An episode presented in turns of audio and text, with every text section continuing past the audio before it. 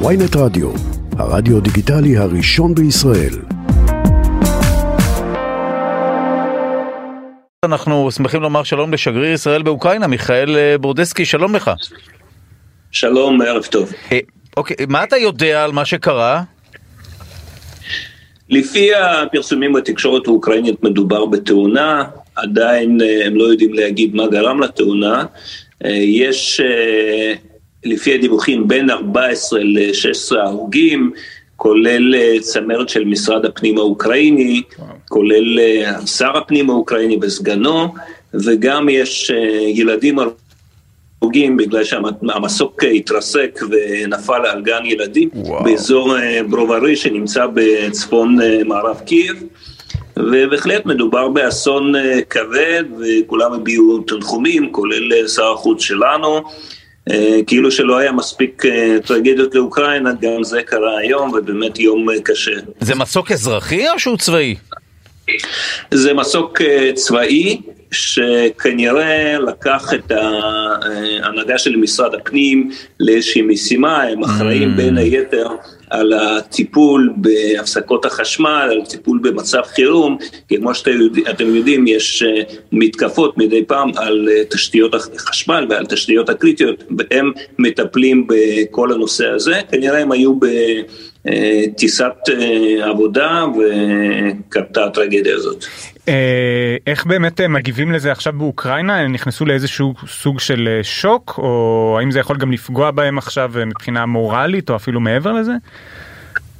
תראה, אני חושב שהם נכנסים בסוג של פוסט-טראומה, אני מדבר על אוכלוסייה כבר הרבה זמן, המלחמה נמשכת כבר 11 חודשים, הם לצערי התרגלו למצבים הטראגיים, הם מן הסתם התגברו על מה שקרה, אבל כמובן שהיה שוק, ואני ראיתי תמונות של הגברת הראשונה, אולנה זלנסקה, כשהייתה נואמת היום בפורום בדאבוס, והודיעו לה כמה דקות לפני הנאום שלה על האירוע והיא הייתה בשוק. אני חושב שכל האוקראינים אה, בשוק, כי באמת אה, במלחמה אתה מצפה לדברים אה, חריגים ולמצב חירום, אבל אתה לא מצפה לתאונות, וזאת וואו. ככל הנראה הייתה תאונה. ואני מבין שהייתה לך ובכלל לישראל היכרות גם עם אה, שר הפנים וגם עם הסגן שלו אה, ואפילו איזשהו סוג של אה, שיתוף פעולה בנושא אומן אם אני מבין נכון אתה הכרת אותם? בהחלט בהחלט שר הפנים מוכר לי היטב גם הסגן נפגשנו כמה פעמים והם היו מעורבים בהכנות לאומן הם היו אחראים על הבטחת ביטחונם של המתפללים הישראלים באומן ומעבר לזה שר הפנים הוא היה ידיד של ישראל, הוא ביקר אה, בארץ פעם אחרונה בשנת 2018, אה, הוא למד בקורס של מש"ב, אה. בנושא של משטרה בקהילה. תסביר רק מה זה מש"ב במילה. תסביר במילה מה זה מש"ב, רק שהמאזינים יבינו. מש"ב זה מרכז הסיוע הומניטרי של משרד החוץ, שמקיים בין היתר הכשרות בארץ. והוא השתתף באחת ההכשרות אה, האלה בירושלים, ברמת רחל, בנושא של משטרה וקהילה, ומאז יש לו הרבה חברים בארץ. אני דיברתי היום עם כמה אנשים שזוכרים אותו מאז, ומאז הוא שמר איתם על קשר. באמת אה, איש יקר שהיה לו יחס מאוד מאוד חיובי לישראל. וואו, אה, בוא ננצל את ההזדמנות שאנחנו מדברים איתך, ואולי נתעדכן בכל מה שקשור למצב המלחמה באוקראינה. מה, מה קורה שם כרגע? אין הרבה התפתחויות בימים האחרונים, המלחמה נכנסה לסוג של הקפאה, אבל אה, בכמה, בכמה מקומות הלחימה נמשכת. אה, וכולם מדברים על זה שלקראת אביב אולי יהיו התפתחויות אה, חדשות, אבל כרגע אין ממש התפתחויות בשטח, יש כל מיני הצלחות טקטיות של הרוסים, הצלחות טקטיות של האוקראינים, אבל אין שינויים דרמטיים. אה, אבל אה, מאידך נמשכת אה, הלחימה ונשאר גם ירי טילים כנגד התשתיות הקריטיות באוקראינה ויש הפסקות חשמל בכל רחבי אוקראינה כולל קייב הבירה.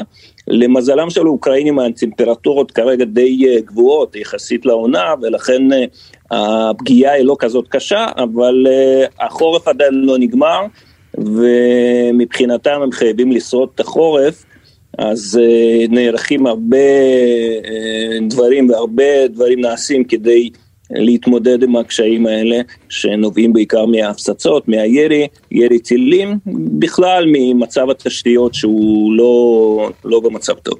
אפרופו זה, מה, מה לגבי הסיוע של ישראל לאוקראינה, הסיוע, מה הצפי לגביו להמשך, והאם יש לך יכולת להרחיב על אה, מה שפורסם היום בניו יורק טיימס, שחלק מהסיוע הצבאי של ארצות הברית לאוקראינה היה דרך אה, תחמושת שהייתה בישראל?